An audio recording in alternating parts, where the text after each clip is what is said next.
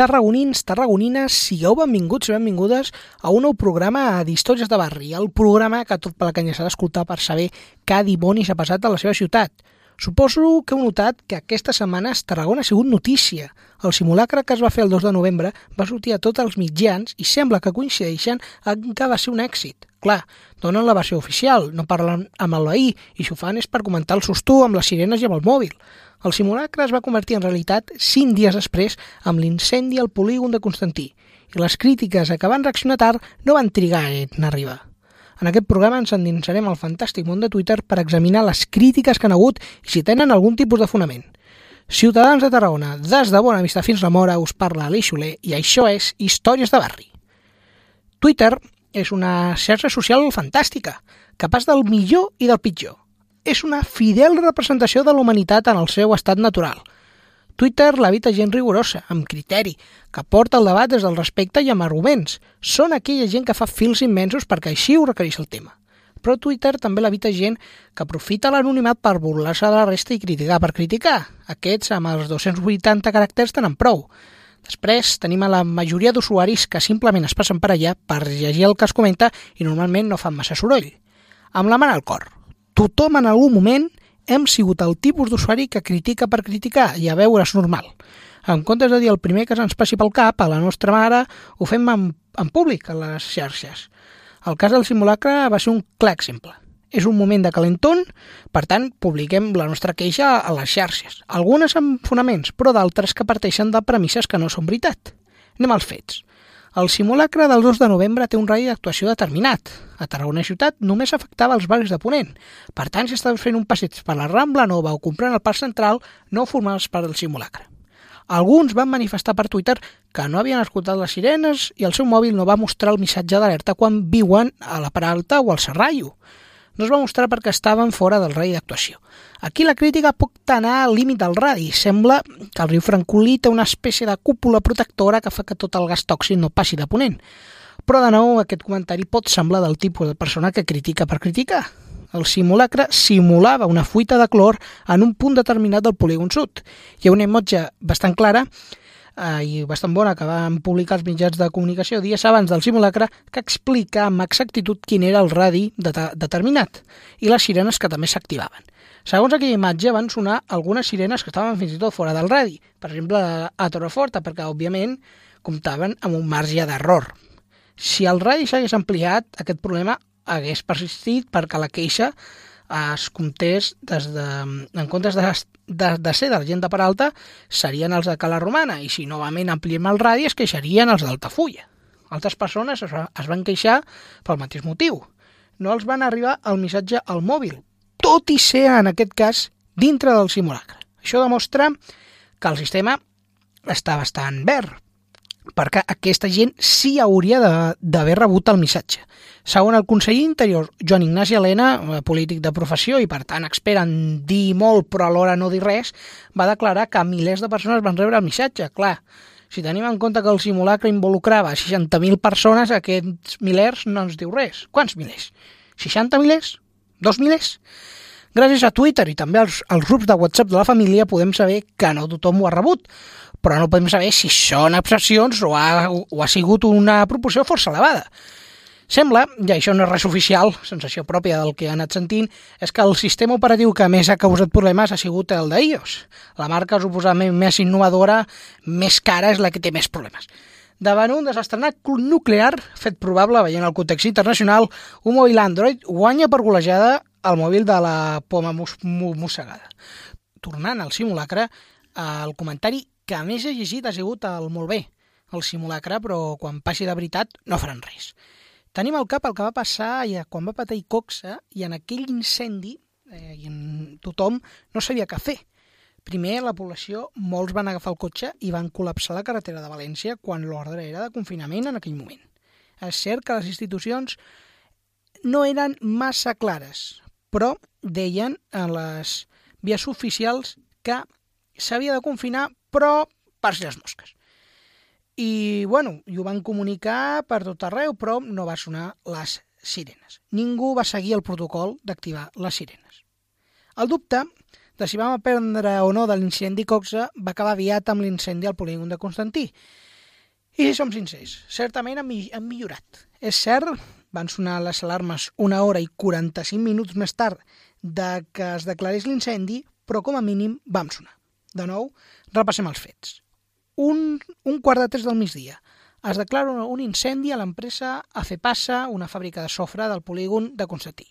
El pla Placecta entra en funcionament en la seva fase d'alerta. Segons el protocol, aquesta fase no requereix confinament. Una hora i tres quarts després es passa a la fase d'emergència i ara sí sonen les sirenes al polígon de Constantí. Reitero, només al polígon de Constantí. Torno a dir el mateix. Si es va decidir que el radi de confinament fos aquell, vull pensar que són per raons estrictament científiques i no perquè no es volia confinar cap àrea urbana. De fet, sobre les 5 de la tarda el confinament es va ampliar a l'aeroport de Reus, degut a un canvi a la direcció del vent. Un aeroport que, per cert, a aquestes altures de l'any ha estat tan de cert que fins i tot es podria córrer un rally de car. Um, per tant, um, vol dir que no hi havia cap alma o molt poques persones en aquell aeroport. Ara bé, també hem de ser crítics. Això de confinar passades quasi dues hores de l'incendi és actuar tard. El gas no va al ritme del pla secta. El sofre no s'esperarà ja a les portes de la fàbrica esperant a que sonin les sirenes per escampar-se. Afortunadament, no vam lamentar cap pèrdua humana, els dos ferits eh, guàrdies urbanos que van haver d'acudir a l'incendi estan correctament. Deixem ja aparcat el tema del confinament, simulacres, incendis, que a la ciutat també passen altres coses, i bastant més importants que no passa el que passa als polígons. La notícia còmica de la setmana han sigut unes pintades que han aparegut al Pont del Diable. El contingut de les pintades completament inofensives. Te quiero, Nayan. Clar, si en comptes d'un aquaducte romà fos la façana de casa teva, doncs no s'hagués muntat aquest petit escàndol. La policia corrents a identificar els culpables, que resultaven ser menors de 14 anys i, per tant, no els pots imputar de cap delicte. Aleshores, seran els pares de les criatures qui pagaran les reparacions d'aquesta gambarrada. Moral pirable la feina de la policia per salvaguardar el patrimoni històric de la ciutat. Crec que els polítics haurien de seguir l'exemple. Unes pintades no són lamentablement el més greu que l'ha passat una estructura romana de la ciutat. Sense anar més lluny, eh, està previst que es desmunti part de la graderia de l'amfiteatre per risc a que col·lapsi. Una graderia que va ser reconstruïda als anys 60. Anys 60 del segle XX, no del segle IV. Que passi el tren a pocs metres de l'amfiteatre no ajuda. De fet, la implantació del tercer carril, segons la pròpia DIF, pot causar-li problemes estructurals greus a l'amfiteatre, o millor dit, causar-li més problemes estructurals del que té. O la muralla, on s'ha detectat 927 patologies de, de, de, de deteriorament al llarg de tot el monument. En aquest cas sembla que s'intentaran solucionar, però si s'hagués plantejat fer una revisió de la muralla uns anys enrere, potser en comptes de 927 haguéssim trobat uns pocs menys. És inevitable que un monument tan antic no tingui problemes, però intentem que com a mínim no caigui a terra. En fi, el dia que el principal problema per conservar el patrimoni sigui pintades de preadolescents declarant el seu amor serà per celebrar-ho. Atenció, gent de la província, aquesta setmana hem conegut que a Tarragona som potència en un nou aspecte. Tots sabem que són potència en plantacions d'arròs, al Delta, són potència en ciutats patrimoni de la humanitat, eh? que ningú se l'oblidi, però pocs penseu que són potència en plantació de marihuana. A tota la província s'han intervingut 400.000 plantes. Si sumem la resta de províncies catalanes ens empaten. És a dir, només a Tarragona hi ha el 50% de les plantacions de marihuana a Catalunya. Mira que hi ha disciplines on podem guanyar tota Catalunya, però aquesta, mare de Déu, a veure, es pot llegir des de moltes perspectives. Estem parlant de plantacions que la policia ha detectat. Per tant, les que no han detectat no comptabilitzen. I podem concluir, per tant, que la policia ha fet un bon treball, cosa que no ho han fet a Girona o a Barcelona. També podem dir, si hi ha 400.000 plantes que s'han detectat, imagina't les que no s'han detectat. També podem fer aquest anàlisi, però jo prefereixo el primer per orgull patri. Si preguntés a qualsevol persona fora de Tarragona que què és el primer que se'l passa pel cap quan dius Tarragona, tothom et dirà Port Aventura. I certament em sembla que s'han passat el joc, perquè PortAventura està rebent un munt de crítiques perquè es formen unes cues espectaculars de moltes hores. És el que passa quan l'èxit et supera. Els que vivim a Tarragona sabem quins dies anar per no menjar-nos les cues immenses. O directament no anem, perquè els preus de les entrades comencen a ser absolutament prohibitives. i normal que ho sigui. Vist el nivell d'èxit, per evitar les aglomeracions en un únic lloc, vull proposar un parell de nous parcs temàtics a la província. Proposaria el Tour Plana Experience. Consisteix en fer diferents trajectes per la província de Tarragona en autobús. No cal construir cap infraestructura nova. Per tant, molt, molt bé, però sí que és que potser necessitaríem comprar algun autobús més per cobrir la demanda. Eh? Un exemple, el trajecte de Tarragona a Gandesa. Surten només dos autobusos al dia. La gràcia de l'experiència és que haguessis d'arribar fins a Gandesa a les hores en què no surten els busos directes, perquè alternatives hi ha.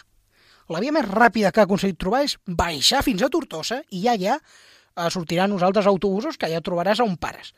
La gràcia també de l'experiència és sortir sense cap idea dels horaris, perquè trobar a quina hora surten els autobusos pot ser una altra odissea. Les pàgines web de les empreses d'autobusos moltes estan sense, sense actualitzar i les estacions petites directament no hi ha cap informació, ni un simple cartell.